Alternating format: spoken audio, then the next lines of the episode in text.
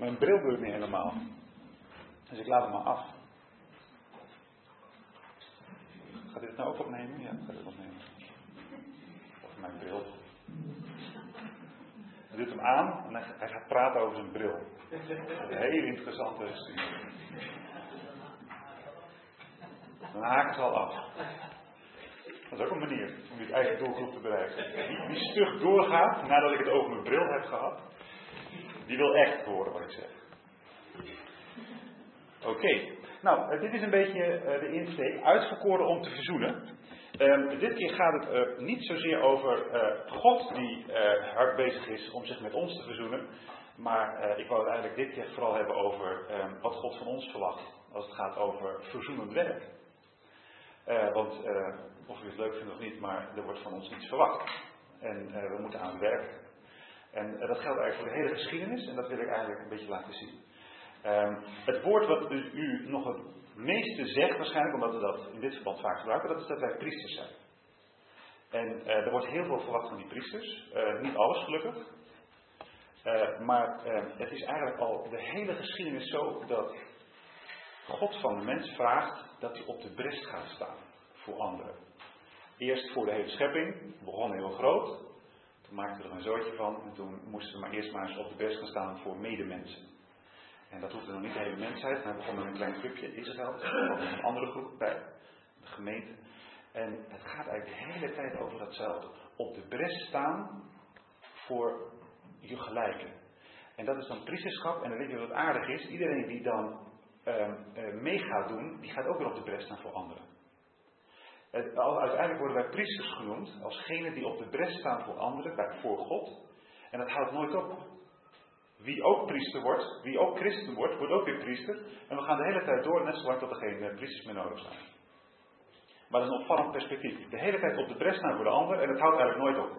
Zolang er nog iemand is voor wie op de bres kan staan, is er nog een verhaal. Is er nog een geschiedenis die doorgaat. En dat wil ik eigenlijk nu wat gaan, gaan uitbouwen. Dus het wordt een heel historisch plaatje door de hele geschiedenis heen. Hoe dat nou, wat het nou betekent. Op de bres staan voor al wat leeft, op de bres staan voor je medemens. En um, aangezien de hele mensheid in het begin losliet, heeft God mensen uitgekozen. Dus we gaan ook het woord uitverkiezing er gewoon bij halen. Gewoon eens kijken of dat kan. Ik weet niet of dat voor meteen een Pavlov-reactie oproept als ik het woord uitverkiezing gebruik. Maar het is, een, uh, het is natuurlijk een, geladen woordje, maar volgens mij uh, uh, is het een heel, heel normaal woordje. je zou het ook zo kunnen zeggen, God moet ergens beginnen. Dus hij begint maar met iemand. Hij kiest iemand uit en zegt, jongen, ik moet ergens beginnen, ik begin bij jou. En dan maar kijken waar, we eindigen. Het punt is wel, iedereen die dat weer mee gaat doen, hè, daar verwacht God dan weer datzelfde van. Goed, gaan we, wat cryptische woorden, we gaan er gewoon maar eens even naar kijken.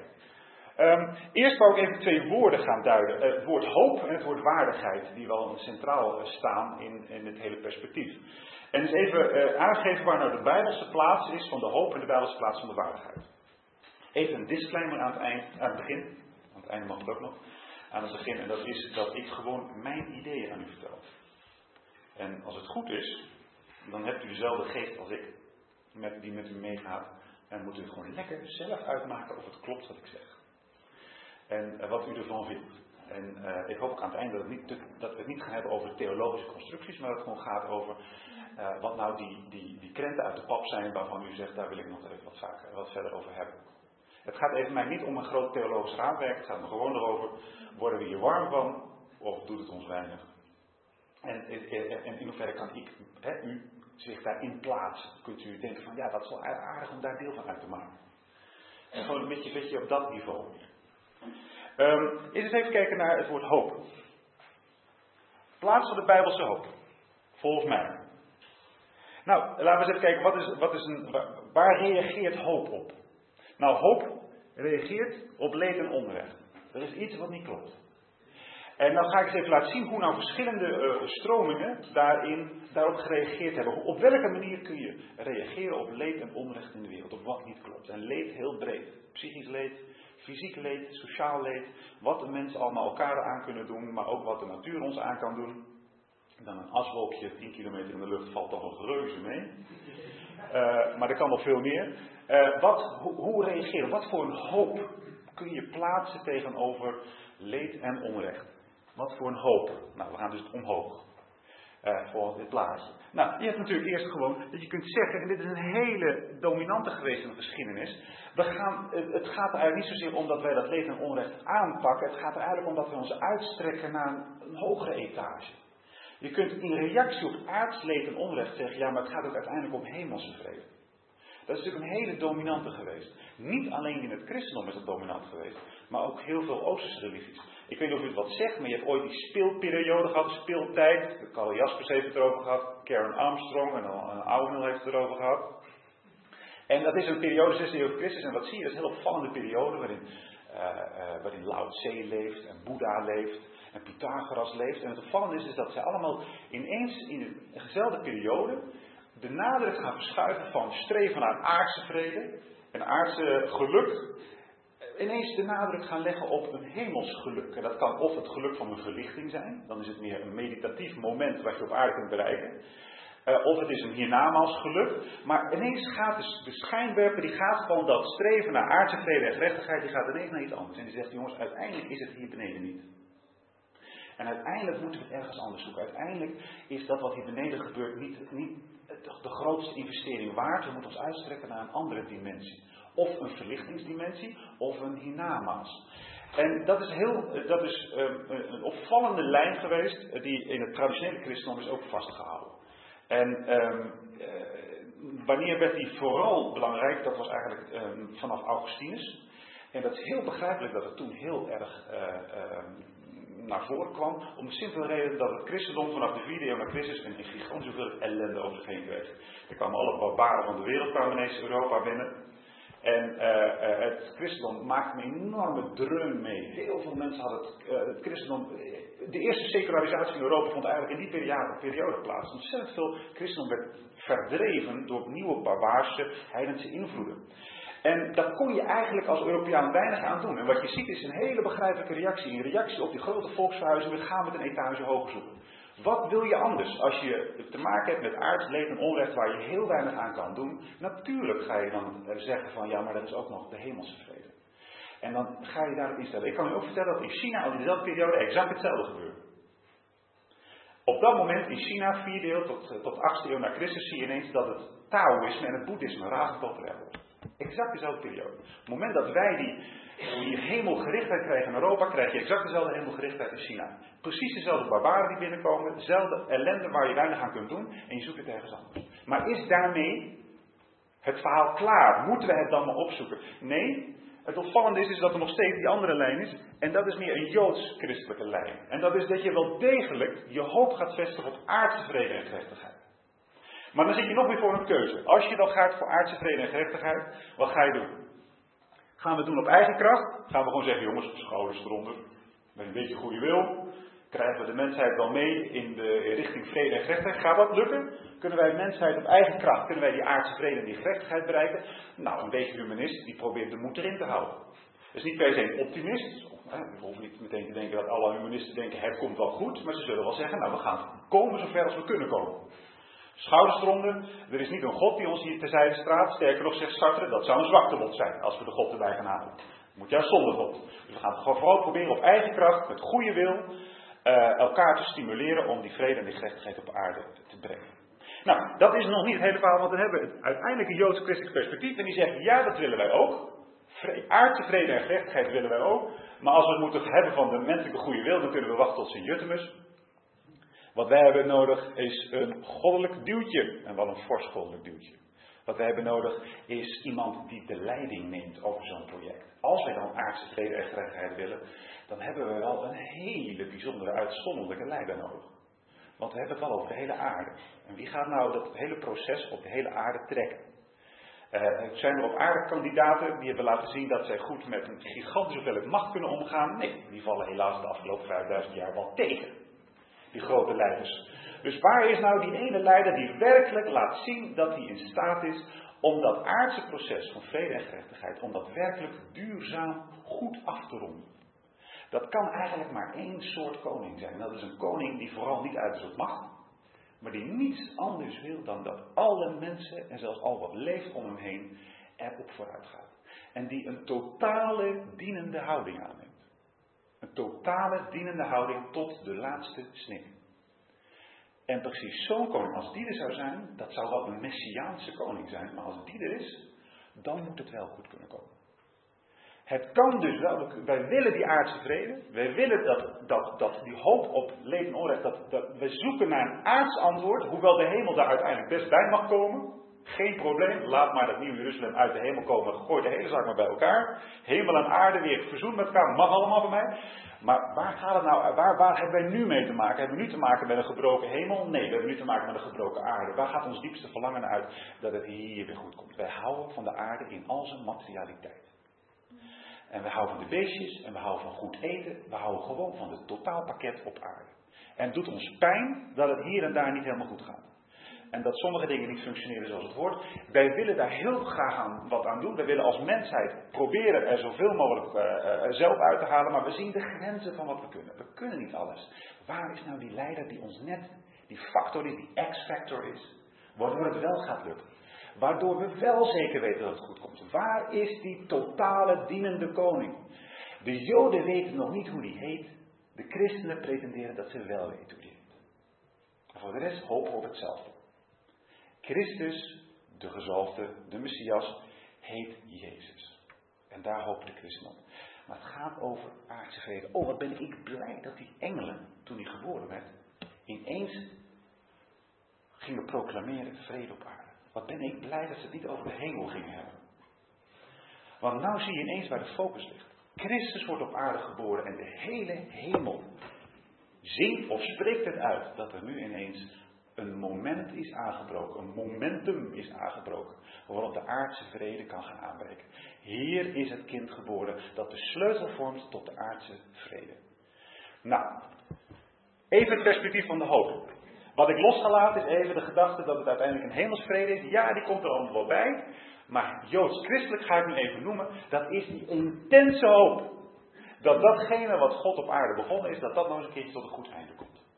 En dat alles waar we van houden op aarde, dat dat niet is wat we uiteindelijk los moeten laten, omdat het Maya is, illusie, of omdat het minder waardig is, maar dat we het totaalpakket van het goede op aarde, het zeer goede, dat we dat mogen vasthouden, dat we het mogen omarmen. Dat we zelfs kunnen zeggen, dat hele aardse is het investeren waard. Dat is goed om daarin te investeren. En wel net zolang totdat er alles weg is wat niet meer deugt. En wat is het meeste wat, meeste wat niet deugt aan leven en onrecht? Dat is natuurlijk de dood. Gaan net zo lang door totdat zelfs de dood niet meer zijn werk kan doen op aarde. Dit is ene centrale woord. We gaan dus richting dit perspectief. Steeds links afslaan hier. Ja, daar gaan we. Nu hebben we de waardigheid. Wat is een ander centraal thema in, de, in het verhaal, in, in het christelijk, joods-christelijk perspectief? Dat is het, de minderwaardigheid natuurlijk. Minderwaardigheid is, de, de grootste angel in de minderwaardigheid is natuurlijk het gebrek aan onvoorwaardelijke liefde. Niet zozeer het gebrek aan voorwaardelijke liefde, maar aan onvoorwaardelijke liefde. Wanneer kom je nou echt tot rust? Wanneer je zeker weet dat je zelfs op het niveau van de ademhaling er gewoon mag zijn. Dat er niets is wat jij kan, wat jou, jouw bestaan, waarmee, dat er niets is waarmee jij je bestaan kan verspillen. Waarmee jij, waarmee jij je recht op aarde kan verspillen. Dat er altijd iemand is die het een genoegen vindt om jou op aarde te zien rondwandelen. En dat er niets is waarmee je dat genoegen weg kan nemen. Dat elke ademhaling jou al gegund is. Iets van die onvoorwaardelijkheid. Nou, nou zijn er eh, minderwaardigheid, daar, kun je dus, daar wil je natuurlijk graag richting waardigheid, hè, gewaardeerd zijn, maar dan op, op, op zo, zo, groot mogelijke wijze. Hoe hebben nou verschillende stromingen in de geschiedenis gereageerd op die minderwaardigheid? Nou, dat kun je ook op heel veel verschillende manieren doen. We hebben natuurlijk de Oosterse religie en die zegt, je moet er gewoon niet zoveel van aantrekken. Je moet het ontstijgen. Minderwaardigheid is een ego-kwestie, maar probeer los te komen van je ego. Dat ben je al een heel eind. Dus minderwaardigheid is een individuele kwestie. Maar jij moet uit je, boven je individualiteit uitzien. Dus zoek het ergens anders. Weer, we zoeken het een etage hoger in plaats van dat we het leed zelf aanpakken. We zoeken het ergens anders. Dan hebben we nog, ik hoop niet dat u er zelf bij zit, het lijkt me sterk, maar je hebt ook nog de strenge Calvinistische stroming, met alle respect, die eigenlijk eh, een soort berustende houding aanneemt. En zegt van ja, je bent gewoon een zondaar, dat zul je tot de laatste snik blijven. En uh, niet, niet die, die, die ontfermende houding daarin kan, kan aannemen, behalve als God jou uitkiest. En dan, eh, dan heb je er nog niet zoveel aan gedaan en dan is het eigenlijk, ja, dan zit je in, in een andere groep. Maar die, die hele gedachte van die, die totale ontfermende houding, die, die zit daar niet in. Het, is, het heeft iets, een berustende houding hierin, ten opzichte van het zondaarschap. Aangezien het toch uiteindelijk eh, links of rechts af is in, het, in dit perspectief. En, en ja, je eigenlijk niet precies weet waarom God nou wel of niet jou uit zou kiezen. Waarmee dus ook niet helemaal duidelijk is waarom God jou wel of niet zou zijn liefde zou vertonen. En dan wordt het toch lastig met het fenomeen onvoorwaardelijke liefde. Want die, die trekt zich gewoon geen bal aan wat jij doet. Dat hoort bij onvoorwaardelijke liefde. We gaan even dan naar de menselijke waardering als hoop en als antwoord op minderwaardigheid en naar de goddelijke waardering. Nou, die kun je natuurlijk opsplitsen in voorwaardelijk en onvoorwaardelijk. Dat kan dus ook bij menselijke eh, waardering. Hoe ziet nou de voorwaardelijke menselijke waardering uit? Nou, je bent gewoon een toffe gast. Je bent gewoon een aardige vent, aardige meid. En uh, je weet gewoon die waardering te verdienen. Gewoon door gewoon aardig te zijn, vriendelijk te zijn. Vriendschap is ook leuk. Vriendschap hoeft niet per se. Als je geen zin erin hebt, dan kan het weer beëindigd worden. Vriendschap zit niet in de categorie uh, naastgeliefde. Vriendschap is ook leuk. Als een vriend, als een vriend niet leuk is, dan spreek je niet meer af. Dat is verder ook geen moreel probleem. Want die ander zit niet in de categorie barmhartigheid, maar in de categorie vriend. Dus dan denk je van, nou ja, daar heb ik, heb ik even geen zin in. Hij doet irritant en nou is dat afgelopen. Kan. Voorwaardelijk vriendschap. Hoe ziet het nou onvoorwaardelijk uit? Nou, dan hebben we natuurlijk wel die naaste liefde, maar we hebben ook de familierelatie. Naast de liefde zou je bijvoorbeeld kunnen zeggen, op een christelijke wijze zou je kunnen zeggen, we zijn allemaal geschapen naar het beeld van God. En dus hebben wij, um, en dus wil ik ook, dat moet je dan zelf wel even uitdrukken, op dus wil ik ook een onvoorwaardelijk respect, een onvoorwaardelijke waardering betrachten voor ieder mens op aarde. Waarom? Vanwege, die na, vanwege het feit dat het een gewaardeerd iemand is door God bijvoorbeeld. Je hebt ook die familierelatie. Dat hebben zelfs uh, ook de seculieren wel opgepakt. Denk aan brotherhood, fraterniteit. Um, het is een hele oude in de, in de, in de christelijke geschiedenis. Um, dat christenen broertjes en zusjes zijn. En dat dat ook een bepaalde solidariteit impliceert. En dat, dat, niet, dat het een familieplicht is en niet een soort vriendschappelijke relatie is. De familie van God, wat in de, in, in in vroegere christendom eigenlijk gewoon uh, iedereen besloeg in een bepaald land. Waren vaak nationale kerken, waar iedereen vanzelfsprekend deel uitmaakt van de kerk. Daar, viel iedereen onder dezelfde familie en had dus ook dezelfde familieplicht. Vandaar dus dat je tot op de dag van vandaag bepaalde landen nog steeds een belasting hebt, die iedereen betaalt aan de kerk. En de kerk voor een deel gaat dat geld dan weer gebruiken om uh, voor de zwakken op te staan. Daar zit een oud familiedenken achter. Dat is natuurlijk nu een beetje de klad ingekomen. Maar vroeger kon dat, dat deed Karel de Groot al, 8e eeuw. Die zei al, uh, iedereen moet tiende betalen aan de kerk. En uh, de kerk zal dan voor de armen zorgen. Waarom kon hij dat zo zeggen? Nou, omdat dus iedereen lid was van de kerk. Uh, of die nou wil of niet. Dus uh, daar, zat, zat een voordeel aan. Kijk, wij vinden dat niet prettig meer, die gedachte dat iedereen zomaar lid is van een kerk. Maar daar zat een enorm voordeel aan. Namelijk, daardoor, werd, daardoor was iedereen lid van dezelfde familie. En werd dat idee van solidariteit en van familieverplichtingen dus ook op iedereen toegepast. Dus kon er ook een, een, zorg voor de zwakken zijn die de hele samenleving gold, omdat iedereen bij dezelfde familie zat. Toen ging later, 50 jaar geleden, ging de, kerk, de staat dat vooral overnemen. En uh, toen kregen we de verzorgingsstaat. Toen ging de staat eigenlijk hetzelfde doen uh, als de kerk vroeger. En toen werd het te duur. En nou wil de, kerk, de staat het weer teruggeven aan ons. Alleen het lastige is, we hebben geen broertjes en zusjes meer in onze samenleving. Dus nou is het wat lastiger geworden om die solidariteit weer terug te brengen. Want vroeger draaide die solidariteit op het besef van familie en op familieverplichtingen. En je kiest er niet voor om je broertje of zusje te helpen, dat moet gewoon. Dus daar zitten een aantal interessante dingetjes. Maar heel belangrijk is die familieliefde. En het is als wij worden aangesproken, ook in de Bijbel, als broers en zussen, dan komt er eigenlijk een, een, een appel op onze onvoorwaardelijke waardering als mensen onder elkaar. En die andere is natuurlijk de naaste liefde. Ook daar kun je iets leuks over zeggen. Hè? De Boer in, het, in de Hebreeuwse Bijbel die vertaalt: heb je naast lief als jezelf met liebe deine nächsten die ik gleich. Oftewel, heb je naast lief, want het is er net zo eentje jij. Je zit in hetzelfde schuitje. En daar kan natuurlijk ook iets in zitten. Hè? Die onvoorwaardelijke menselijke kan zich ook uiten in een lotverwantschap. We zitten hier op aarde in hetzelfde schuitje. Je kunt het heel mooi maken, dan zeggen we ze allemaal uh, gelijk geschapen naar het beeld van God. Je kunt ook zeggen we zijn allemaal hetzelfde schuitje. Hoe dan ook, je kunt daaraan ontlenen een besef dat ieder mens dezelfde waardering verdient. Dan gaan we naar God. Goddelijke waardering. Nou, uh, dat heb je ook weer voorwaardelijk en onvoorwaardelijk. En dan hebben we bij de voorwaardelijk hebben we eerst het meervoud, de goden behagen. En ja, dat is natuurlijk een hele dominante. Hè? Daar, zijn zelfs de eerste beschavingen al door ontstaan. Dat uh, priesters steeds meer moeite moesten doen om de goden te behagen. Het behagen van de goden is een enorme dominante lijn natuurlijk in de hele wereldgeschiedenis. Wat hebben volken zich uit de naad moeten werken om God te behagen? Uh, daar zat niet altijd een minderwaardigheid achter, daar zat ook soms een mislukte oogst achter. Uh, dat je wilde voorkomen. En een oorlog wat je wilde voorkomen.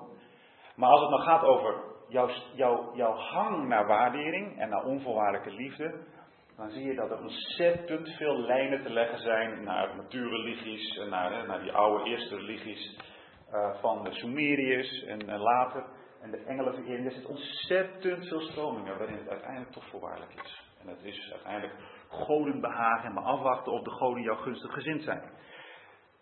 De islam doet dat ook, maar het christendom heeft dat natuurlijk ook in vele gedaanten gedaan. Eigenlijk zou ik prikkelend willen zeggen, overal waar de nadruk op de vrije wil is, daar heb je de ellende van de, van de voorwaardelijke liefde van God. Waarom?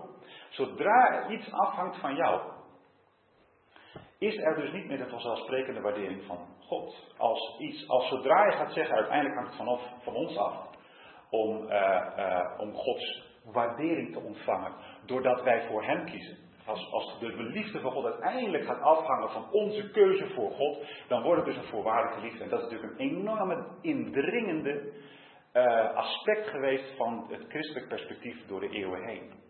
Dat je ergens Gods liefde kunt verspelen. En dat werd met een enorme mooie, glorieuze notie werd dat verdedigd, namelijk de vrije wil. Die vrije wil was dus eigenlijk dat prachtige element van de mens waarmee Gods liefde kunt verspelen. En daar zat iets van een paradox in. Het, was een heel, moest heel mooi zijn, maar het resultaat eigenlijk pure ellende. Want je hebt blijkbaar het vermogen om van God af te komen. Het vermogen om, om uiteindelijk God voor goed van je af te houden. En de vraag is of dat, of, of dat nou uiteindelijk het perspectief is waar God in de Bijbel op inzet, of dat dat vooral iets is wat opnieuw vanaf Augustinus is ingebracht omdat die vrije wil zo aardig God kon verdedigen tegenover het lijden in de wereld. Um, mijn suggestie is dat dit dus niet het christelijk perspectief is, maar dat dit het verhaal is. Het is een heel eenvoudig verhaal. God vertelt bijzonder weinig in de Bijbel over waarom er zoveel lijden is in de wereld. Maar God zegt één ding en dat is: bij mij kun je altijd schuilen. Verwacht niet te veel van je eigen grote keuzes. Dat is duidelijk in de Bijbel. Dat, de Bijbel heeft niet dat glorieuze mensbeeld als dat wij hebben omarmd in de verlichting. Uh, het, uh, niet voor niks komt God ons voortdurend te hulp. Het is voortdurend ook in de geschiedenis dat je ziet dat als God inzet op iets moois via Israël, dat dan Israël het dan steeds weer niet kan waarmaken. God moet steeds weer terugkeren, steeds weer zijn ontferming laten zien, steeds weer laten zien hoe, het, uh, hoe, hoe hij dan toch wel weer die schuilplaats wil zijn. De hele tijd zie je dat die schuilplaats een rol speelt. Niet in de, alleen in de psalmen, maar het is voortdurend. Je kunt het bij God uiteindelijk niet verspelen en daarom is die schuilplaats. Wat je ook kiest. Zelfs al ren je keihard van weg, kun je nog bij hem schuilen. Dat is een hele centrale gedachte. Het is ook dus flink onder vuur gekomen in de geschiedenis, maar het is cruciaal. Als je niet bij God kunt schuilen, verlies je je rustpunt in het leven. Want kijk, we kunnen wel een hoop vertrouwen hebben in die onvoorwaardelijke liefde van mensen, maar laten we wel weten, ook dat zit niet helemaal mee. Wordt wel van ons verwacht, maar we kunnen dat niet helemaal waarmaken. Ergens moeten wij voortdurend kunnen uitrusten bij die onvoorwaardelijke liefde van God. En ik noem dat dan een rustplaats en een schuilplaats. Wat een rust straalt er van die psalmist uit als hij het gaat hebben over bij God kan ik schuilen. En dan heeft hij het gehad over oorlogen en over mensen die hem uitspugen en uitschelden enzovoort. En dan kan hij even weg van die menselijke waardering, die afhankelijkheid van die menselijke waardering, even kan hij weer van weg. En even kan hij linksaf en dan weer rechtsaf. En dan komt hij daar bij de schuilplaats van God. En dan kan hij er weer even tegenaan. Volgens mij is waar we uit gaan komen is dat dus. Oké. Twee lijnen door de geschiedenis. De koninklijke, de herrelijke lijn door de geschiedenis en de priestelijke of de familielijn door de geschiedenis. Deze twee lijnen wil ik nu gaan beschrijven aan u. Wat wordt er nou van de mens verwacht en wat is daar God, Gods rol in? Um, dit is volgens mij een, een, een, belangrijke, dit wil ik gewoon neerleggen voor u als een beginpunt. Volgens mij heeft God een aantal zaken gedelegeerd aan de mens. En als God dat heeft gedelegeerd aan de mens, dan is hij ook niet zomaar van plan om meteen in te grijpen als we het niet doen. God heeft bepaalde dingen aan ons gedelegeerd. Hij verwacht bepaalde dingen van ons. En als we het niet doen, dan is daar het risico dat God op een gegeven moment ook niets doet. Uh, en dat kan op twee manieren. Het ene is dat God de vrede op aarde laat afhangen van het menselijk gezag. De vrede en, laten we zeggen, toch vrede, dan moet u van shalom denken, dan hebt u het totaalpakket. Daar zit heelheid in, herstel in, daar zit uh, dus harmonie in, daar zit vrede in, daar zit, er zit heel veel in. God laat de shalom op aarde afhangen van het menselijk gezag. God heeft iets gedelegeerd aan ons. En hij heeft de mens geschapen naar zijn beeld, en dat is in dit geval het beeld van God als heerser. Het is toch heel opvallend dat als God de mens maakt, laat ons mensen maken, dat hij dan onmiddellijk daarna zegt op dat ze heersen. Oftewel, wij hebben daar vaak een, een, heel mooi cultureel verhaal van gemaakt. God heeft de mens op aarde geplaatst zo kan de mens uh, uh, dus al die dingetjes doen, al die culturele activiteiten ontplooien die we nu zien. Het opvallende is dat het in Genesis 1 helemaal niet over culturele activiteit gaat. Wat, wil je met, wat voor cultureels wil jij gaan doen met de vogels in de lucht? Behalve de, de, de, postduif. Wat, en wat voor cultureels wil jij gaan doen met de vissen in de zee? Het opvallende is, er wordt een heel rijtje aan schep, schepselen genoemd. En vervolgens staat er, en nou hebben we een mens en die moet eigenlijk op de bres gaan staan voor al die beestjes. Dus een eh, kleine suggestie, kort samengevat, maar lees u dus Genesis 1 eh, vanuit, dat ver, vanuit dat perspectief. Dat God niet zozeer het heel, heeft in Genesis 1 over een heel uh, mooi cultuurmandaat. Maar dat het eigenlijk veel simpeler gaat over. We hebben hier een schepping. En ehm, die is nu weer goed. Misschien was hij niet goed en is hij weer goed. Maar hij is nu goed, zeer goed. Maar het leven op aarde is niet vanzelfsprekend veilig. Daar loeren al vijandige machten. En het gaat er nu om dat de mens op de bres gaat staan voor al wat leeft. En dat de mens het gezag toebedeeld krijgt. Om daar waar dood en verderf toeslaat, om dan de, de orde te herstellen. En dat hier de mens dus het gezag krijgt om werkelijk te heersen over het leven op aarde. En zelfs de sleutels van het dodenrijk in handen krijgt. En als er iemand in zit, haal hem eruit. En dat hier dus werkelijk te maken heeft met een mens waarvan God zegt, ik geef jou een deel van mijn vermogen en mijn bevoegdheden. Ik delegeer dit gezag aan jou. En voortaan hangt de shalom op aarde van de mens af. Ja? En het heeft dus consequenties als de mens het niet doet. Wat gebeurt er? Nou ja, u kent de zagrijnige vervolg van dit verhaal. Dat is dat de mens dat gezag verliest. En wat gebeurt er? Dood en verderf kans en kans krijgen op aarde. De mens heeft een, een, mens heeft een immense vermogens en bevoegdheden gekregen.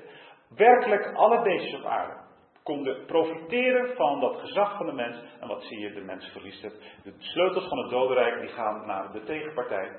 En de mens verliest dat gezag om zelf de baas te zijn. En hij raakt onderworpen aan iemand anders aan wie hij zich onderworpen had.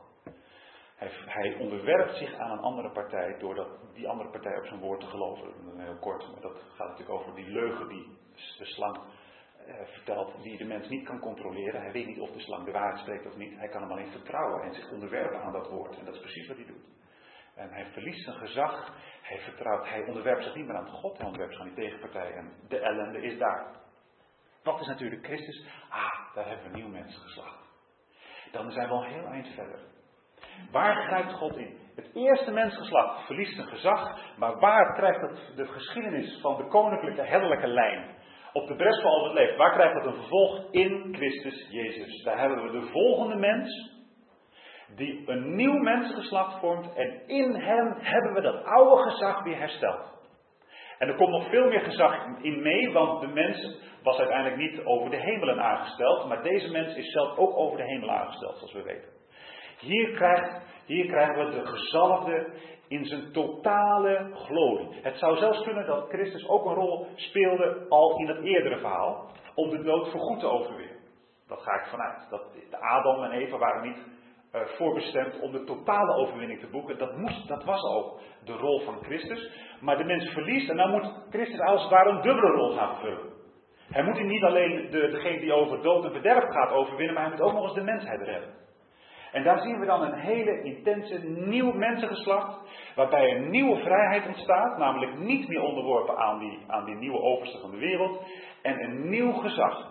Is dat meteen al kant en klaar helemaal nu toepasbaar? Nee. Daar zit nog een fase tussen. Wij kunnen weliswaar al in Christus een begin zien van het optimale zorgverlenen aan ander leven. Door de geest kunnen we misschien al hele mooie dingen doen, afhankelijk van wat de geest wil, en die doet wat hij wil. Maar er is ook nog een perspectief dat wie nu met Christus vrede sticht, wie nu meegaat met dat instapt in dat mensengeslacht van Christus en datzelfde verlangen heeft om met Christus alle dingen te herstellen, die zal nog een volgende fase meemaken. En dan in die volgende fase ook daarin weer met hem regeren en dat proces van vrede en gerechtigheid op aarde gaan herstellen. Dit is de koninklijke herderlijke lijn waarbij we op de bres gaan staan voor al wat leeft. En dit is het totaalpakket. Dit gaat over de hele schepping. Maar het is nog niet het hele verhaal. Het is nog niet het hele verhaal. We hebben ook nog een christelijke lijn. God is niet alleen iemand die een paar ambtenaren neerzet die namens hem dingen gaan doen. God is ook een vader. En dit is de christelijke familielijn. God zegt, ik laat de liefde op aarde afhangen van het menselijk kindschap. En hier hebben we ineens God, die een beeld is, de mens die een beeld is van God, als zoon van God. De mens is niet een harteloze heerser in Genesis 1. Nee, de mens is in een nauwe relatie met God. En God hoopt dat de mens het gaat doen zoals de Vader het doet. En dat er in die heerschappij de liefde van God gaat meekomen. En dat de mens op de bres gaat staan voor zijn gelijke in vlees en bloed, wat in eerste instantie nog de hele schepping is, en later uh, vooral mensen. Maar hij wil dat de mens op, voor, zijn, voor de gelijke op de bres gaat staan vanuit de vaderliefde van God. En dan hebben we dus een andere lijn. Dan zien we een familielijn. Is die familielijn heel groot, want ze betreft het alle levende wezens op aarde. Later wordt die familie eerst nog even tijdelijk wat kleiner en hebben we het over de mensen op aarde. Maar het zijn allemaal gelijk. Allemaal diezelfde kinderen van God. En nu is het de bedoeling dat, dat je, je aan het hart gaat, net als de vader. Dat die kinderen zijn vervreemd geraakt van de liefde van God. En dat ze ten prooi zijn gevallen aan dood en verderf. Kan het ons wat schelen? Wel, hoe meer je lijkt op de vader, hoe meer het je kan schelen, zo vader, zo zoon. En als het gaat over de hele schepping, dan zie je als het ware dat die hele schepping een soort meubelzaak is van de vader. En hij is ermee begonnen en hij hoopt eigenlijk dat zijn zoon eenzelfde voorliefde voor die meubelzaak krijgen als, zijn, als de vader. En hij loopt daar lekker in in, in die hof, loopt hij rond, hij laat zien hoe de troppel ziet. Ze lopen daar zo rond en hij hoopt eigenlijk dat die zoon daar net zo'n enthousiasme voor gaat krijgen. En dat als zo'n meubelzaak dan weer niet goed functioneert, dat je vanuit de liefde voor de meubelzaak er ook van baalt dat dat ding niet goed functioneert. En dat je dus een, een soort, ja, een soort vader-zoon relatie krijgt, die alle twee uh, gewoon een enthousiasme, een passie hebben ontwikkeld voor die meubelzaak. En alles wat erin zit. En het vaderhart van God is dus het andere beeld wat je kunt koppelen aan de vader. En dan gaat het weer helaas mis. Eerste mens verliest die waardigheid van het kindschap. Hij snijdt zichzelf af van God en hij gaat de andere kant op. Hij gaat naar de vijand van God en hij gelooft de vijand van God op zijn woord. Hij vertrouwt God niet helemaal en u weet dan hoe, hoe dat ging. Het gevolg is angst en schaamte. Wat een dramatisch vervolg. Op het moment dat wij niet meer volledig ervan uit kunnen gaan dat God het beste met ons voor heeft. Omdat wij zelf ons tegen hem gekeerd hebben, op dat moment breekt de angst en de schaamte door. Grote ellende, als je niet meer kunt uitgaan van Gods onvoorwaardelijke liefde, is dat je niet zeker weet of die jou nog wel goed gaat behandelen. Als God niet volkomen, als jij niet volkomen ervan overtuigd dat God jou onvoorwaardelijk lief bijvoorbeeld omdat je zelf dingen hebt uitgesproken tegenover hem, zodra je daar niet meer van uit kunt gaan, is de rust weg, want je weet nooit zeker of hij niet toch met die roede om de hoek komt lopen. En die toch ineens ergens fel uit gaat halen. En hier verdwijnt de rust van de mens. Als zoon van zijn vader wist hij had hij een schuilplaats. En die schuilplaats verdwijnt, tenzij de mens dat weer opnieuw durft aan te nemen. En dan hebben we Christus weer. En Christus is precies degene die van de boezem van de Vader komt. Johannes 1. Zo, zo dicht mogelijk bij de Vader. Hij zat er middenin, in die onvoorwaardelijke liefde van de Vader. En nu gaat hij naar de aarde. En hij gaat proberen alles uit de kast te halen. Om maar iets van die onvoorwaardelijke liefde te communiceren op aarde. En het gaat erom dat naast het feit dat hij iets van het gezag van God laat zien, door zo nu en dan eens eventjes een, eh, een, een onstuimige meer even tot kanten te roepen, laat hij even aan de andere kant zien dat het niet, niet een harteloze heerschappij is, maar dat die andere kant van de Vader is, dat het werkelijk gaat om een liefde die geen grenzen kent. Vergeving en zoonschap, wat weer terugkomt. En dan hebben we in Christus kunnen wij optimaal Gods liefde proeven en doorgeven. Dat is dus niet optimaal meteen het geval, maar dat is iets waar we ons naar uitstrekken. En dat is iets wat nog verder door kan gaan, ook in de toekomende eeuw. Wie nu met Christus liefde zijn, zal ook straks verzoening brengen. Oh, wat, wat, wat, wat zou God graag zien dat die verzoeningsgezindheid die hij met zich meedraagt, dat dat in de beelden van God terug gaat komen op aarde. En dat er zonen en dochters op aarde rondlopen die gewoon simpelweg op hun vader lijken. En dat het dus niet een ingewikkeld verhaal is van, nou moet je iets, een een of ander project op gaan pakken. Nee, je moet gewoon jezelf zijn. Je moet eigenlijk niet veel ingewikkelds doen, je moet alleen op je vader lijken. En uh, als het goed is, hoef je daar niet je best voor te doen. Het gaat er namelijk vooral om dat je gewoon in de buurt bent van die vader en als het ware gaat profiteren van, dat, van, die, van de input en die positiviteit en dat enthousiasme en die passie die je proeft bij de vader. En hier, dit is eigenlijk, uh, u kent dit verhaal allemaal, dit is voor u, voor u niet nieuw. Wat ik eigenlijk wil doen is, ik heb het even in twee stenen tafelen voor u gezet. En hier hebben we de koninklijke herderlijke lijn en we hebben de priestelijke familielijn. En ik wil eigenlijk laten zien dat er dus twee dimensies zijn aan het beeld van God zijn, van de mens. En vaak pakken we de een of de ander, of we nemen nog weer een andere lijn. Maar hier gaat het over de vrede op aarde hangt af van de mens. En God heeft het gedelegeerd aan de mens. En de mens verloor het en Christus heeft het opnieuw opgepakt. En hij zet die lijn voort. En de liefde op aarde hangt ook voor een belangrijk deel af van de mens. Als wij niet lief hebben, wordt het moeilijk op aarde. Dan is het niet zo dat God het 100% compenserende factor is. Als wij niet lief hebben op aarde, gaat er, ontbreekt er iets op aarde en het wordt niet volledig gecompenseerd door Gods liefde. Het is niet zo dat God er een tandje bij doet naarmate wij minder doen. Dus geen, geen uh, communicerende vader. Ja? Het is echt zo dat er iets ontbreekt als wij het niet doen. Dus hier worden we even aan de werk gezet. Het gaat ook over het verzoenende werk wat we hier kunnen proeven. Oké, laten we even dat allemaal in een plaatje stoppen.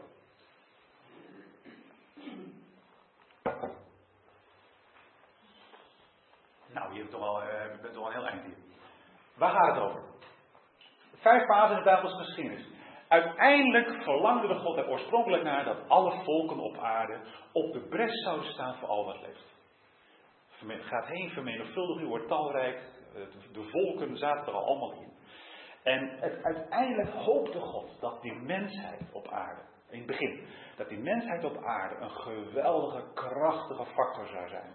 Die het gezag en de liefde van de Vader zou uiten door op de bres te staan voor al wat leeft. En dat alle schaapjes, koetjes, geitjes, dromedarissen, kakkerlakken, wat er maar rondloopt, allemaal profiteert van het feit dat de mens er ook is.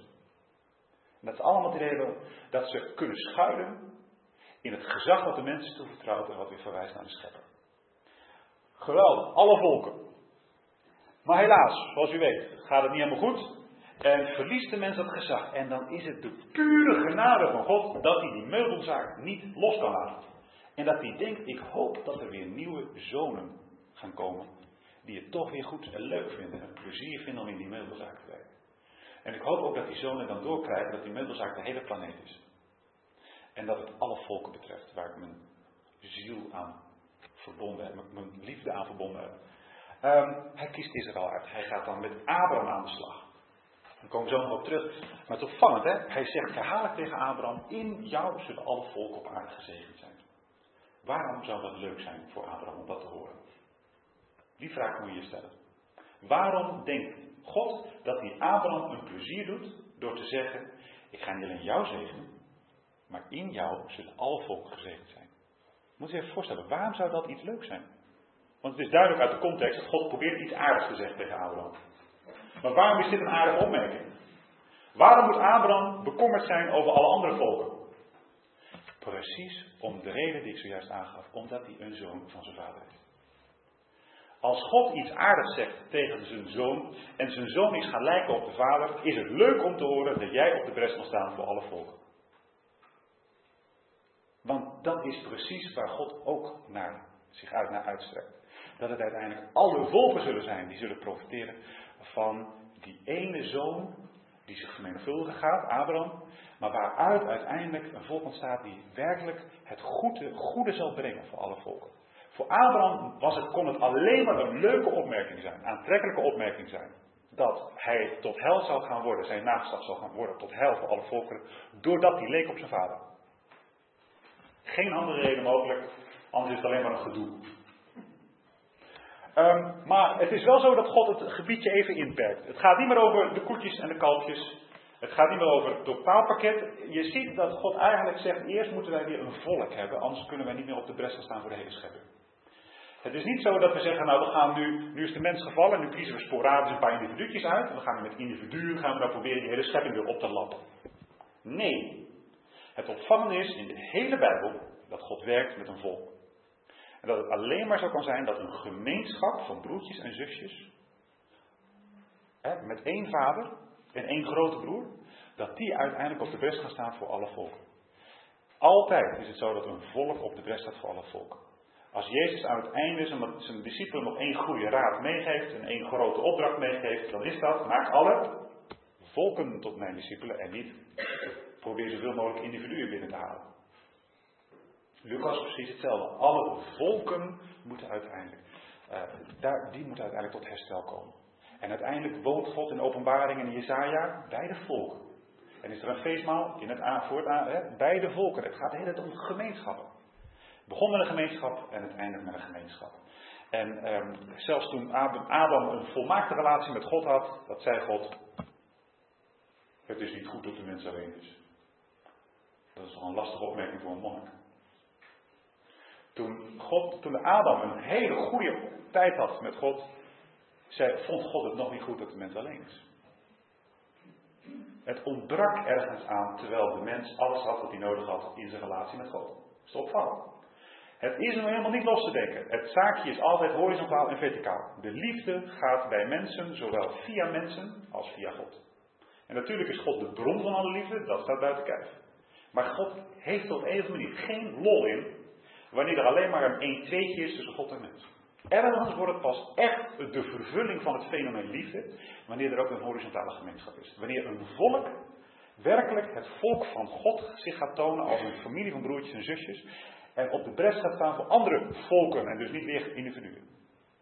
Goed, nou, Israël, ja, dat gaat ook niet helemaal zoals het had gemoeten. Dus dan zien wij Jezus Christus verschijnen. En dan, dan hebben wij natuurlijk de centrale factor. Daar is de zoon zelf, de zoon bij uitstek. En die gaat dat zoonschap als nooit tevoren gaat hij tot aarde, gaat hij het uitleven.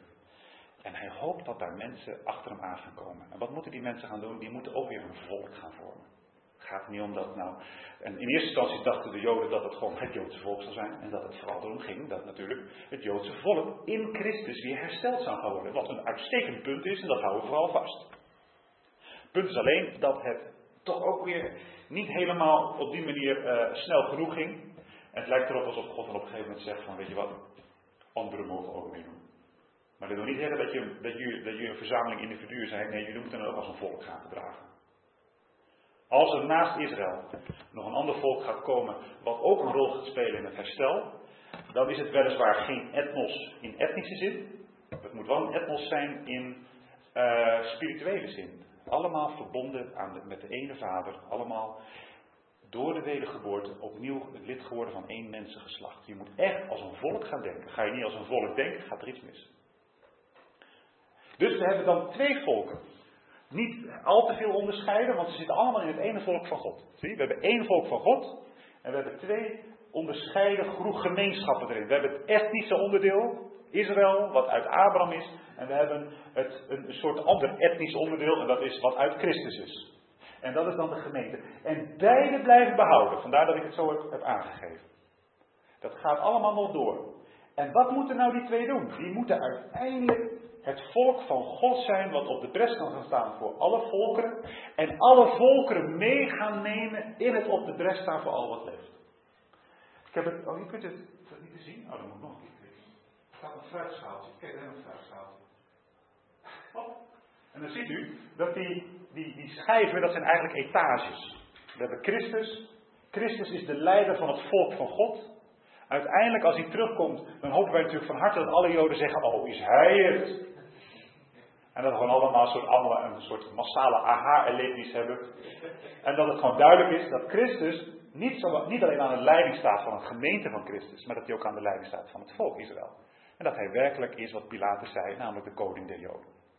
En dan hebben we dus die, etage van het volk van God. Maar dat volk van God mag op geen enkele wijze zelfgenoegzaam zijn. Het gaat niet om een feestje tussen God en, de, en het volk van God. Op geen enkele wijze is het de zaak dat jij niet tevreden gaat zijn met het feit dat jij binnen bent. Helemaal niet. En eigenlijk is het nog maar net begonnen op het moment dat jij het volk van God bent geworden. Net zoals dat Israël op geen enkele wijze zelfgenoegzaam kon zijn. Als je luistert naar Abraham. Naar wat God zei tegen Abraham. Dan zegt hij tegen Abraham: In jou zullen alle volken uh, uh, gezegend zijn. Ja, helaas, dan kun je er nooit meer in je hele verdere bestaan. Alles wat er uit Abraham komt. Kan dus nooit meer alleen maar tevreden zijn met een gelukkig en voorspoedig volk Israël. Want vanaf dat moment hoor je de beloften die klinken en hoor je dat het volk Israël fundamenteel excentriek moet zijn. Het centrum van het volk Israël ligt buiten Israël en niet in Israël. En zo geldt ook hoeveel gemeenteleden er ook bij komen. Al zijn er 2 miljard. Zeer positief gedacht. Al zijn er 2, 2 miljard. En dan komt er ook nog het volk Israël bij. Alles is excentriek. Want het verhaal is dat het begon met de, met de hoop dat God uiteindelijk via mensen herstel zou brengen op aarde. Dat, ging, dat hele to, totaalproject aan het begin ging niet goed. En dan komt dat volk van God. En God wil niets liever dan dat er via dat volk van God weer tot hel gaan zijn van alle volken. En dat via de alle volken ook weer het herstel gaat komen voor de hele schepping. En dan zie je dus dat het verhaal begint met allen, maar ook eindigt met allen. En wat hopen we nou graag? Dat een keer via de zonen Gods de gemeente, de, niet alleen de mensen op aarde, maar ook de schepping gaat proeven dat die zonen Gods lijken op hun vader. En dat ze weer iets van die heerschappij gaan tonen die God al aan het begin gaf aan Adam en die die later nog in vermenigvuldigde mate heeft gegeven aan Christus. En wat hoopt, wat hoopt de schepping, voor zover het kan hopen, dat ze gaan proeven dat de zonen van God en de dochters van God, dat ene volk van God dat het wakker wordt, opstaat en gaat geven om de meubelzaak van papa. En dan begint het over, uiteindelijk is dat herstelde, want dat is het verhaal. De Bijbel geeft helemaal heel weinig over wat er voor de tijd en na die tijd was. Het gaat er eigenlijk over, het is een probleem en hoe lossen we het probleem op. Genesis, Genesis 1 begint met een probleem en het eindigt aan het einde met het oplossen van het probleem. En zo hebben wij, eh, weten wij dit weinig over het tweede begin. Het tweede begin is namelijk, er is geen leed en onrecht meer op aarde. Er is vrede en gerecht. Sterker nog, de kloof tussen hemel en aarde is weg. En er is één grote dimensie waar, het, waar de gerechtigheid woont. Niet eens meer heerst, maar zelfs woont. Fantastisch perspectief. Maar wat gaan we dan doen? Geen flauw. Het gaat, in, in, het gaat in de Bijbel eigenlijk om een mentaliteit waarbij je ziet dat er iets mis is met de meubelzaak. En het gaat er eigenlijk niet zozeer om hoeveel winst je kan maken met die meubelzaak. Het is eigenlijk voortdurend zo in de Bijbel dat je baalt van het feit dat die meubelzaak niet goed draait. En wat je uiteindelijk met die meubelzaak gaat doen als die klaar is, ja, dat zien we dan alweer. We moeten, we moeten de boekhouding op orde brengen, we moeten, we moeten zorgen dat de kwaliteit verbeterd wordt, enzovoort. Het gaat in de Bijbel voortdurend over hoe krijgen we dat leed en onrecht de wereld uit.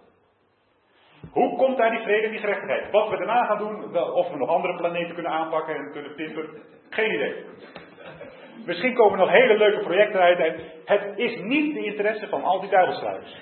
De Bijbelschrijvers zijn als de vader, die eigenlijk voortdurend willen communiceren. Er is een probleem en daar balen we van. En wat we gaan doen als het probleem is opgelost, zien we dan weer. Zolang God maar weer alles in al is. En wat je daarna gaat doen, geen idee. Streng zinnetje. God doet niet wat de mens moet doen. God doet niet wat de mens moet doen. Als God gezag delegeert, kan het gruwelijk misgaan met de aarde als de mens dat gezag verliest en niet inzet. Maar staat niemand op de bres, dan trekt ook God zich terug. Uit liefde rusten echter sommigen toe om toch te doen wat de mens moet doen, of dat zijn herstelplan voortgang vindt. Wat God had gewild dat de hele mensheid zou doen, namelijk op de bres staan voor al wat leeft en voor alle mensen en dieren, dat gebeurt niet. En wat gaat hij doen? Hij kiest een volk van God. En hij hoopt dat het volk van God, dat het via het volk van God uiteindelijk weer goed komt. Nou ga ik een paar mooie Bijbelsversen laten zien. En deze heb ik al genoemd. Uh, we hebben dat vers van Genesis 1 en dan hebben we de mensheid. En dan staat hij op dat zij heersen. uiteindelijk gaat het erom dat de mens doorheeft dat hij geschapen is om te heersen. En dan krijgen we Abraham en is, daar staat, je gaat uiteindelijk tot hel van alle volken zijn. Dan zitten we al in het binnenperspectief. Dan hebben we het nog niet meer over de schapen, de geiten en de, de, de, hoe heet die, ijsbeer die uh, op uitsterven staat. We hebben het nog even over mensen. En dan gaat hij tot hel van alle volken zijn. Abraham moet op zijn vader lijken om dat een leuke, leuke uh, belofte te vinden. Nou, het is goed om te onthouden. Hij moet op zijn vader lijken om dat een leuke belofte te vinden. Net zoals dat wij het een, uh, wij een, een, het een leuke opmerking moeten vinden dat wij mogen regeren met Christus op aarde. Wanneer is dat leuk? Wanneer je er lol in gekregen hebt. En wanneer heb je er lol in gekregen? Wanneer je een minuscuul klein glimpje nu al hebt geproefd van wat het betekent om herstel te zien op aarde en je bent er verslaafd aan geraakt. Je vindt het heerlijk om herstel te zien op aarde.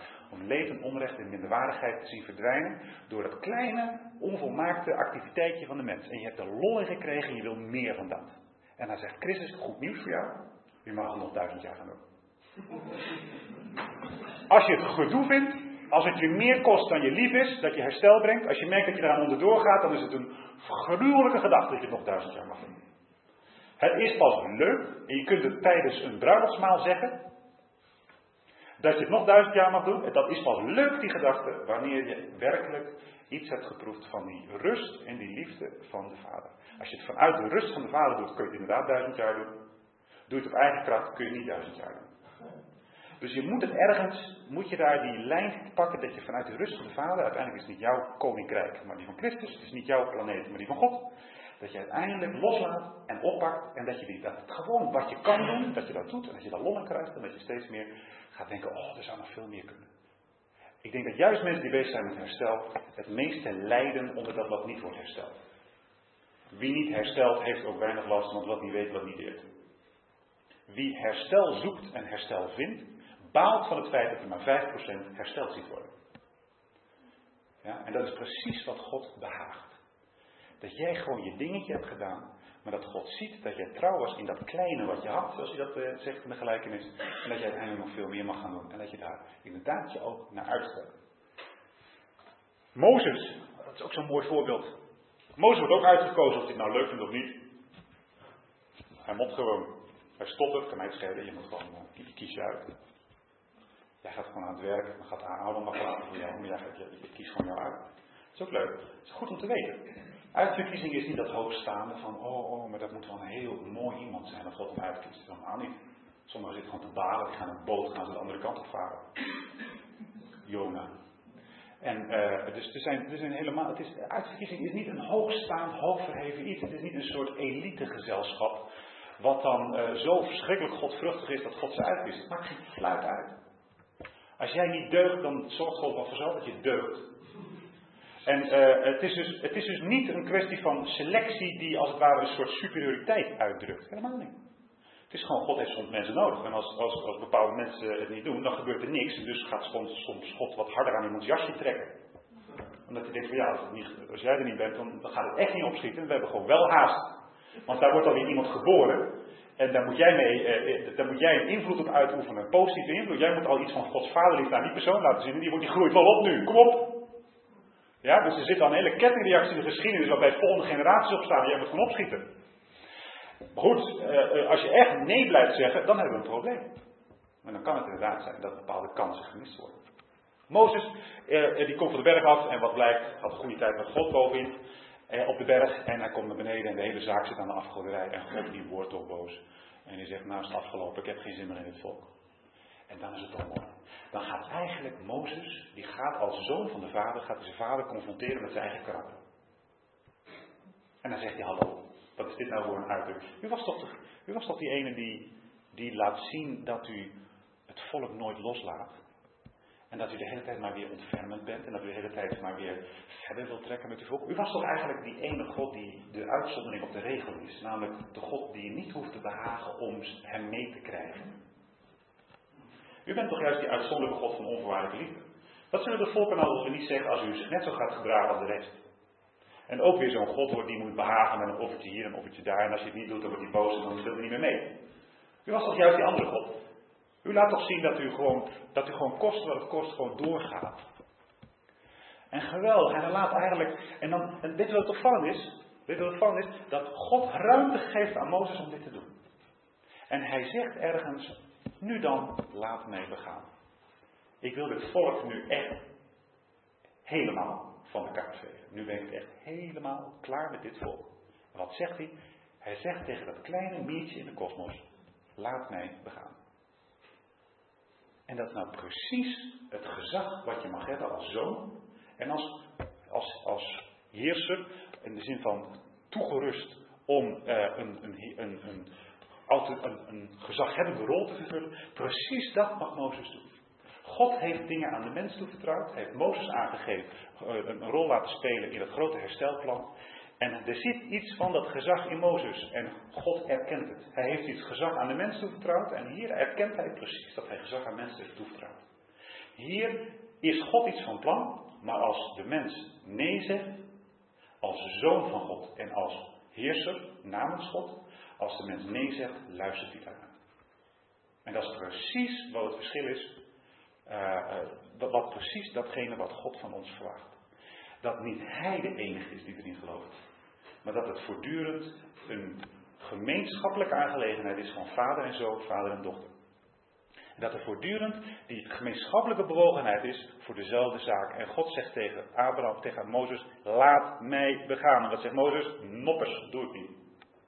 Ik laat u niet begaan.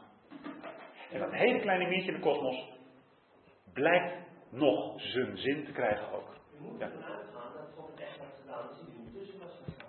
Daarom. Al niet. Dus, nou, dus, maar dat laten we even rusten. Hoe dan ook. Hoe dan ook. Het, ik, want de- bevestig wat ik daar bovenaan zeg. Hè? Wat, wat je nu zegt. Dat het echt uitmaakt wat de mens doet. Het maakt echt uit.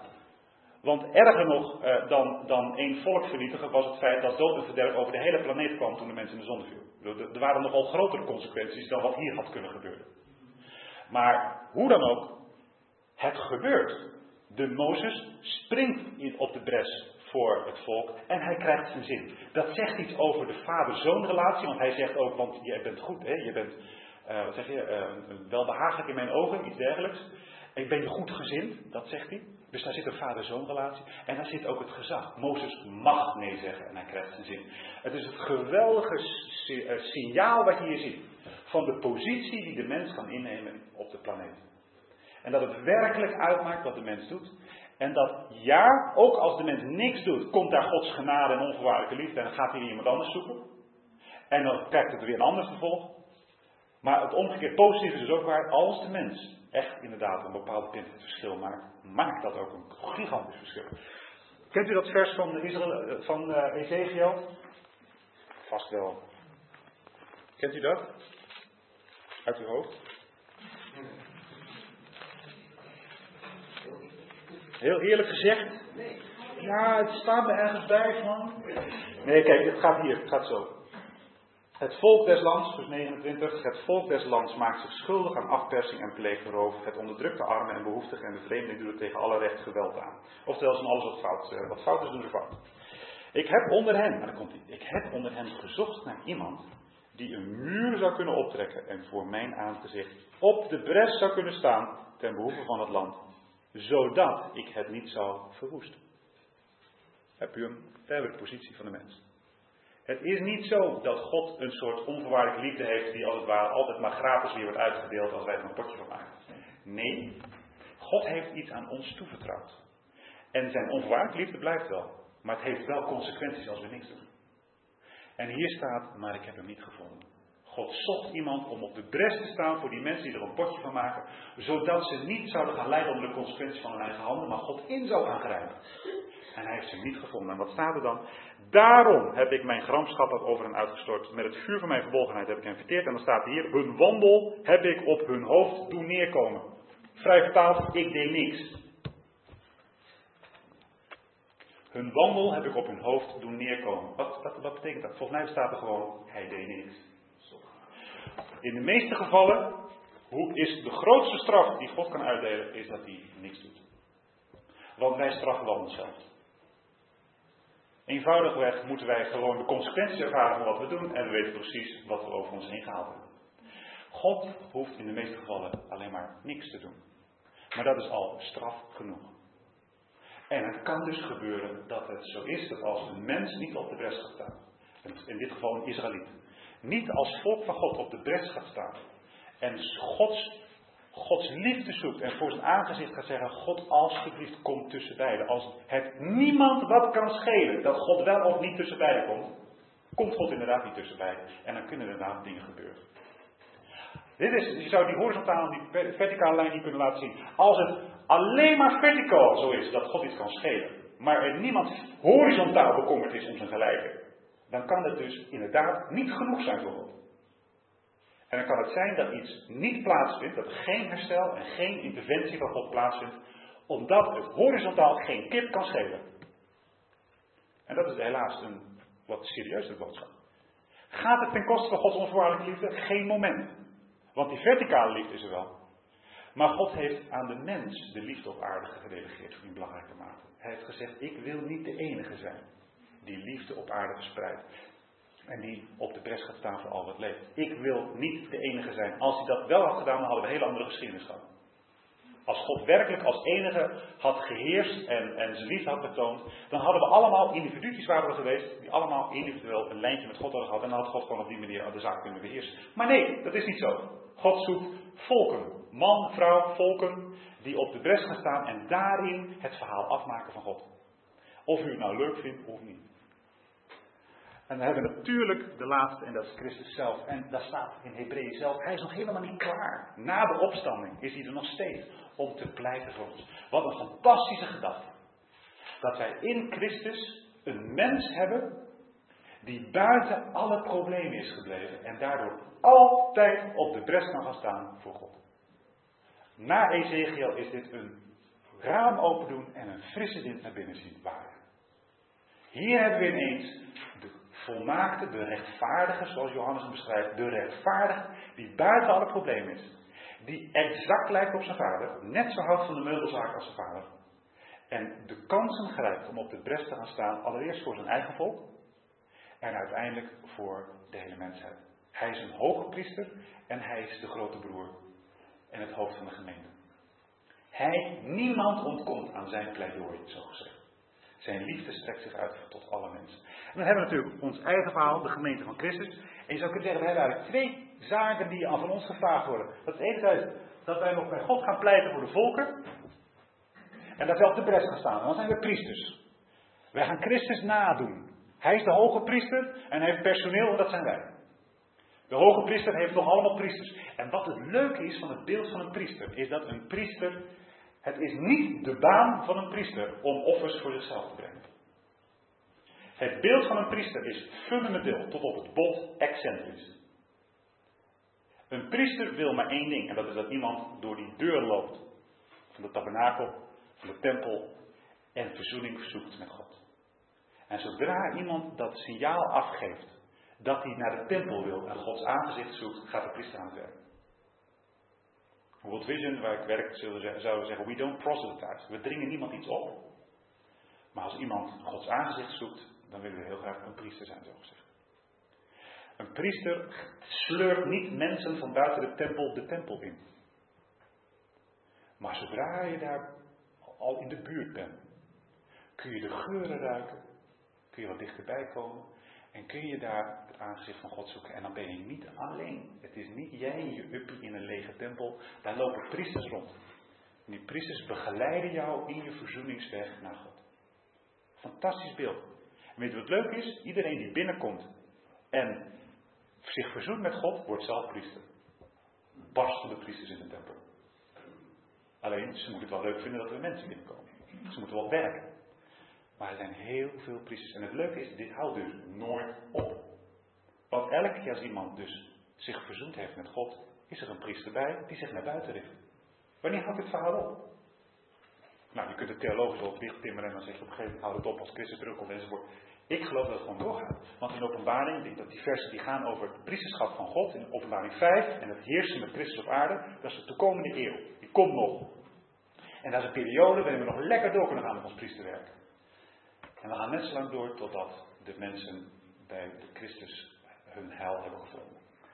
En we hebben ook die andere, gemeente van Christus. Dat is bij de volkenpleiten van God. Nou, die kent u ook. Ook daar in 1 Petrus 2 worden wij een priester, een heilige natie, een priesterschap genoemd. Maar dan zien we de nadruk vallen op het naar buiten, het verworven om Gods grote daden te verkondigen. En dan is de priester iemand die wel naar buiten gaat, niet om mensen de tempel in te sleuren, maar om eenvoudig te vertellen wat er gebeurde in de tempel. En wat er gebeurde onderweg. En hij zei onthouden en ze, ze, ze, ze, notuleren zo wat gebeurt er? En dan zijn de priesters de, de grote getuigen. En de getuigen die rondgaan en vertellen, kijk, dit heeft God gedaan. Take it or leave it. Doe ermee wat je wil. Maar we willen het wel graag even vertellen. En hebben we dus de twee kanten. Bij God pleiten voor de volken en bij de volken pleiten voor God. Nog even om u een beeld te geven van hoe het verhaal nu afloopt. Want we willen natuurlijk heel graag weten hoe dit verhaal afloopt. Want we zitten natuurlijk nu halverwege.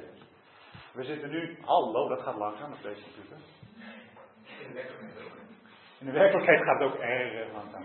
Nee, het is. Uh, uh, wat, waar, waar, we nu, waar, we nu, in terecht zijn gekomen, dat is dus de periode van de gemeente van Christus, van priesters die op de bres gaan staan. Het is natuurlijk ook aardig om te weten dat, dat de Joden zich ook voorbereiden op de tempeldienst. Dus je zou zeggen, het is een totaalpakket waarbij Israël en de gemeente bezig zijn de tempeldienst opnieuw uh, of voor te bereiden of te bedienen. Uh, maar we zijn helemaal klaar. We zitten nu vanaf de hemelvaart tot aan de opname. En dan gaat het vooral om dat wij discipelen maken, meer discipelen. Maar dan let, op, let op dat het dan in Matthäus en Lucas wel gaat over volken die tot discipelen gemaakt moeten worden. Dat is dus net even wat ingewikkelder. Dat wil niet zeggen dat het gaat over een heel volk wat zich onder leiding van de minister-president uh, bekeert. Maar het gaat erom dat je denkt in gemeenschappen. Dus als we denken aan discipelen, denk niet snel aan individu. Het gaat over gemeenschapjes. Bij volken een familie bijvoorbeeld. Ik denk dat God nog niet helemaal klaar is als een individu van een familie zich bekeerd heeft. Dan gaat het niet om dat hij in dit leven al de zaak wil herstellen, maar dan is het wel zo dat hij verlangt ernaar dat als één familielid zich verzoend heeft met God, dat dan eigenlijk die hele familie waar die persoon bij hoort zich ook verzoent met God en inzetbaar wordt. Zodat het weer een gemeenschap is wat zich kan inzetten. Dus ik, ik, dat individuele, dat moeten we wel een beetje eruit putten. Dat, hebben wij natuurlijk onszelf enorm uh, aangepraat uh, uh, onder leiding van allerlei gedachten. Verwacht en verhaast de komst van de dag van God. Hoe kunnen wij de komst van Christus verhaasten? Um, het zou kunnen dat het te maken heeft met dat er een volheid van het getal priesters is. Of dat er een, dat er een, een eindig, een, een getal is, een vol getal is van het aantal priesters. Geen idee. En dat het kan maken dat, het, dat, dat op een gegeven moment God zegt, het kabinet is rond. Het kabinet is rond. We kunnen aan de slag. Het zou ook kunnen dat er, dus, eh, dat er misschien al lang en breed genoeg dienaren zijn, maar dat er nog te weinig dienaren zijn voor de topposten. Dat er dus bakken met uh, gewoon eenvoudig uh, straatpersoneel is. Want dat zijn allemaal mensen die zijn blij dat ze in de hemel komen en voor de rest investeren ze niet veel. Nou prima, ga je maar een straat schoonmaken straks. Prima. Hopelijk vind je het nog leuk ook. Um, het kan ook zijn, het kan dus vooral zijn dat God op zoek is naar die paar mensen die werkelijk hele grote verantwoordelijkheden kunnen dragen, omdat ze heel veel hebben getoond dat ze een zoon van dochter van de vader zijn. En dat ze werkelijk iets van die liefde hebben, hebben getoond in hun hele leven, dat zij ontiegelijk geven om de meubelzaken van de vader. En dat dan God uiteindelijk, dat Christus dan uiteindelijk tegen iemand kan zeggen, over het geringste was je trouw, heb gezag oversteden. Wanneer is dit een mooie beeld? Het is een gelijkenis, laten we wel weten. Het is, het is natuurlijk niet zo dat, God, dat Jezus hier beschrijft hoe het gaat. Maar het is een prachtig beeld. Uiteindelijk is daar die gemeente, die is opgenomen in, de hemel. En daar hebben we een prachtig bruiloftsmaal. En dan is er, voordat dat duizendjarige rijk begint, dat vrederijk, is daar dat feest. En tijdens dat feest zitten om de verschillende mensen naast Jezus. Zeg gewoon even zoals ik me voorstel heb. En dan fluistert Jezus, in plaats van dat hij dat heel groot, want wij denken meteen aan trompetgeschal en er worden allemaal liedjes opgesteld. Misschien is het wel zo, misschien is het wel zo, dat God gewoon fluistert in de oren zegt, je bent, trouw geweest. Ik heb een heel mooi project voor jou in het verschiet. En dat hij gewoon even zegt, jij mag straks, wij gewoon even letterlijk nemen, heb gezag over vijf steden. Je was, je was trouw. En dat, dat je gewoon dat beeld krijgt van, jij hebt daar lol in gehad. Je hebt werkelijk laten zien dat jij vanuit het liefde van de Vader werkelijk bewogen bent geweest op aarde. En dat je werkelijk hebt gewild dat er vrede en recht komt voor iedereen, ook degene die je irritant vond. En dat je werkelijk hebt geprobeerd om iets van datgene wat mijn hart heeft, namelijk het herstel van alle dingen, dat jij daar gewoon met je kleine dingetje, je kleine vermogens en je, en je, en je beperkte tijd, dat jij gewoon gedaan hebt wat je kon. En je hebt, dat zo, je hebt daarin zoveel overgave getoond dat ik het wel aandurf om jou een, grote, een vette post, post te geven in het kabinet. Gewoon even lekker aan de slag te zetten. En misschien was jij wel die straat, uh, was, was, jij volkomen onzichtbaar op aarde, maar dat gaat maar, maakt allemaal niks uit. Het gaat erom dat jij iets getoond hebt. Waarvan ik weet dat je dat duurzaam kunt volhouden. En dat je, dat werkelijk, dat je daar werkelijk met hart en ziel in zit. En ik weet ook dat je geen burn-out gaat krijgen omdat jij geleerd hebt je aan mij over te geven. Ja. Nee, mag gewoon heel, heel, heel nuchter. Eh, je bent niet meteen uh, pas iemand anders als je aankomt. Je hebt iets opgebouwd. Je hebt iets opgebouwd en God zoekt naar degene die verder kunnen met wat ze hebben opgebouwd. En dan bij voorkeur in een relatie overgaat met de vader. Dan zegt hij, oké, doe het nog maar duizend jaar. Eerlijk, handjes wrijven, vinden ze leuk. Vinden ze leuk. Dat was nou precies waar ze hun leven op hadden ingezet. En dan hebben we dus dat koning en dat kabinet, die heersen. Kabinet, dat is dus een beperkt gedeelte van de christenen, zo zo stel maar voor. En er zijn heel veel mensen omheen die natuurlijk ondersteunende functies vervullen. Maar wie zijn nou degene met de grootste verantwoordelijkheden kunnen dragen? Misschien heeft dat wel heel veel tijd gekost. Voordat zich voldoende mensen aandienen met die grote verantwoordelijkheden kunnen dragen. En dan zijn er Gods priesters, zullen duizend jaar met Christus regeren, openbaring 20. Opvallend is dat daar eens priesters worden genoemd, openbaring 20. Daar komt weer het woord priesters.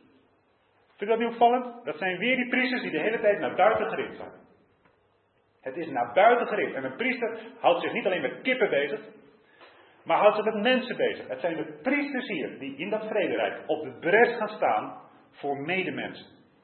En daarin herstel gaan brengen op aarde. Nou, dan hebben we natuurlijk nog een fase daartussen, dat, die laatste twee, waarin natuurlijk dat laatste, uh, die laatste strijd plaatsvindt. Je zou kunnen zeggen, hier komt aan de, uh, je kunt zeggen, je kunt een, vrede bewijzen. Je kunt gerechtigheid laten heersen op aarde, maar zit het ook in de harten. En dan zie je dat aan het einde komt er nog één keer zo'n strijd, waarin nog steeds één keer de Satan wordt losgelaten. En dan zie je dat daar nog één keer een moment komt waarop de harten aan het licht komen. En dan is het van, wie heeft nou werkelijk in dat rijk van harte de gerechtigheid omarmt. En dan zie je nog één keer dat dat terugkomt. En dan sommige mensen het heel irritant. Recht, gerechtigheid, ging in tegen hun eigen denken. En dan komt er nog één keer, komt daar zeg maar het, de, de, de ontmaskering van wat er allemaal niet uh, klopt. En dan vindt er nog een laatste oordeel plaats. Nou, dat weten we allemaal. En dan wordt het spannend, want wat gaat u nu zeggen? Uh, wat is dat oordeel? Ik denk dat het oordeel eenvoudigweg is dat nog niet iedereen het licht kan verdragen.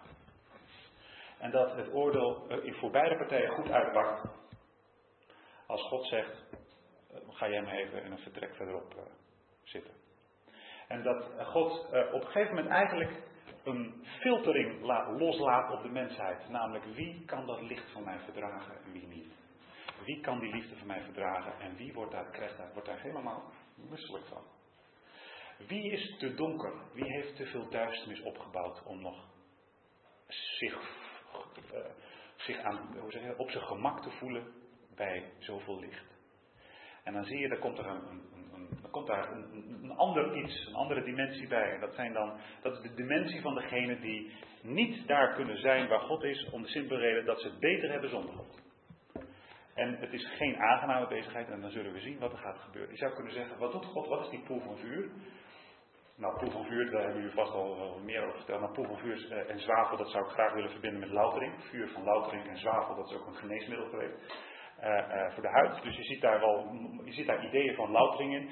Het gaat er mij eigenlijk niet zozeer om dat, dat ik nou het idee heb dat alle mensen uiteindelijk um, alsnog kiezen voor God, want dat weet ik niet. Waar het mij eigenlijk om gaat, is dat God, God op de uitkijk blijft staan. En ik wil nu even de gelijkenis van de verloren zoon erbij pakken. Wat is eigenlijk die poel van vuur? Dat is de varkenstal. De poel van vuur is de varkenstal. En wat is het ernstige aan de gelijkenis van de verloren zoon? Dat is dat die vader die zoon niet uit de varkenstal komt ophalen. Dat is het ernstige deel van de gelijkenis van de verloren zoon. Daar gaan we lezen heel snel omheen, maar dus, hij heeft het niet gedaan. Hij heeft het niet opgezocht. Maar op het moment dat die zoon doorkreeg dat het stonk in de varkenstal. En het licht verkoos of laten we zeggen, de welriekende geur van het erf van zijn vader koos, verkoos boven de stank van de varkenstal. En hij naar huis ging, op dat moment stond de vader met open armen. Misschien is dat wel iets wat je kunt combineren dus met de poel van vuur. Er is een moment waarop vader niet nee zegt wanneer jij een eindje van de vader vandaan wilt zijn. En de vader niet alles op alles gaat zetten om jou binnenboord te krijgen. Maar zegt, oké, dan is het beter dat jij gewoon even naar het verre land verhuist. Maar als jij weer terug wil, sta ik met open armen. Oftewel, het ligt niet aan God. Maar het kan wel verrekte lang aan iemand liggen die gewoon toch de varkenstal verkiest boven het erf van zijn vader. En zo hebben we hier uh, een, een, regering en, uiteindelijk een, een, een, herstel, wat, uh, wat opvallend genoeg eindigt, want het koningschap van Christus wordt op een gegeven moment dan weer teruggegeven aan de Vader in 1 Corinthië 15. En dan staat er, dan is God alles in alles. Dat is het vast. Het tweede begin van de wereldgeschiedenis is wanneer de mens niet meer hoeft te doen wat hij in Genesis 1 moest doen. In Genesis 1 begint een bepaalde periode van de geschiedenis. En dat is de periode waarin de aarde wordt bedreigd door vijandige machten, door dood en verderf. En het de mens gegeven is om die machten te bestrijden en buiten de deur te houden. Op het moment dat die machten totaal zijn vernietigd en, uh, uh, en dus uitgeschakeld zijn, op dat moment is God alles in allen en breekt er een nieuwe fase aan. Geen kip die weet wat dat is. Dat is. Dus Christus is niet iemand die moet regeren tot een eeuwigheid in de zin van oneindig, want dat, het slaat nergens meer op op een gegeven moment. Op een gegeven moment is, zijn alle vijanden verslagen. En de laatste vijand is de dood. En die is verslagen, dan gaat het niet meer om dat project van de mens. Wat God aan de mens gegeven heeft. En dan is het klaar. En dan hebben we gewoon te maken met een nieuwe fase. God, ja, en dan, daar zijn ze rijkelijk vaag over. Dat is dan God alles in allen of alles in alles. Wees maar hoe, hoe, gul u wil zijn. En dan hebben we het dus over, over een nieuwe fase. En dit is, dit is eigenlijk het verhaal ik, wat ik nou in totaal aan u had willen meegeven. Dat het gaat uiteindelijk wel om dat God alles in allen. Maar als u ziet wat een enorme rol is weggelegd voor de mens. En hoe lang dat nu al duurt, dan ziet u ook dat het niet een makkelijk pad is. En dat het niet zomaar eventjes is van God wil zich verzoenen en dat gaat hij dan zelf een keertje doen. Nee, je ziet gewoon heel nadrukkelijk dat God iets gedelegeerd heeft aan de mens. En dat Christus wel mens moest worden om daar leiding aan te nemen, omdat het via de mens gaat.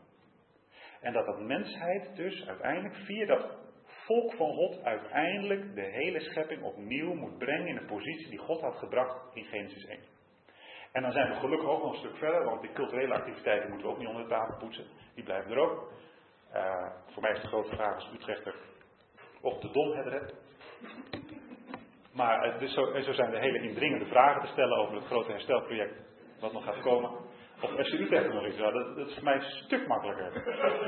Maar uh, de Dom, ja, wat doe je nou met die Dom? Hè? Dat is toch een soort, soort Ferrari van de middeleeuwen, de Dom. Um, hoe dan ook. Je, hebt, je, kunt je allerlei vragen stellen over wat, wat dan uiteindelijk dat herstelproces betekent. Eh, vooral met de schepping en de cultuur, wat behouden blijft. Maakt. Dat, dat interesseert ook die Bijbelschrijvers niet. En dat, daar, daar worden ze ook weinig over geïnformeerd, zo gezegd. Het grootste probleem in de Bijbel is dat het, de meubelzaak niet functioneert naar behoren. En dat het in belangrijke mate de zonen en dochters van de vader zijn om daar iets aan te doen. En dat God mensen zoekt die hem daarin meenemen. En um, hoe meer mensen zich daarbij aansluiten, en dus niet alleen maar denken, mijn hachje is gered, maar vooral doorgaan en zeggen, ik wil graag meedoen met het herstellen van de meelzaak, hoe sneller het gaat.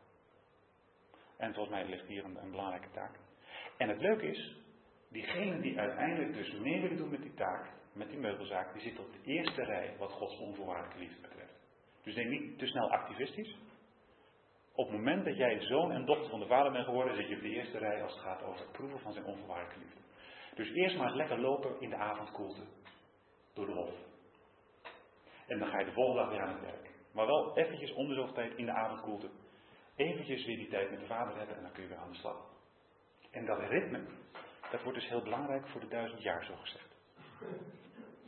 Als je het namelijk zonder die avondkoelte doet, dan ga je richting burn-out. En het er zijn heel veel mensen die hebben een burn-out gekregen van liefhebben. Maar als je in de avondkoelte de zaak weer loslaat en op, in de volgende ochtend weer oppakt wat jij kan oppakken, dan kun je het heel lang volhouden. Duizend jaar is natuurlijk, eh, hoeven niet allemaal als een journalistiek getal op te vatten. Het is niet per se een letterlijk getal. Het gaat maar even over. Dat die vrederijk, dat herstel kost een tijdje. En het is belangrijk dat we in ons leven al een duurzame manier vinden om herstel te brengen. En dat het er niet om gaat dat we met een soort schuldgevoel in ons achterhoofd ons helemaal uit de naad werken om maar een ander lief te hebben. Daar gaat het niet om. Het gaat erom dat je eerst een zoon en een dochter bent van de vader. Eerst lekker proeven. Lekker eh, enthousiast worden over de zaak waar de vader mee bezig is. En vervolgens dan jouw dingetje doen. En zo uh, uh, heb ik u hier iets voorgeschoteld hoop ik dat er wat krentjes tussen zitten waar u wat mee kunt.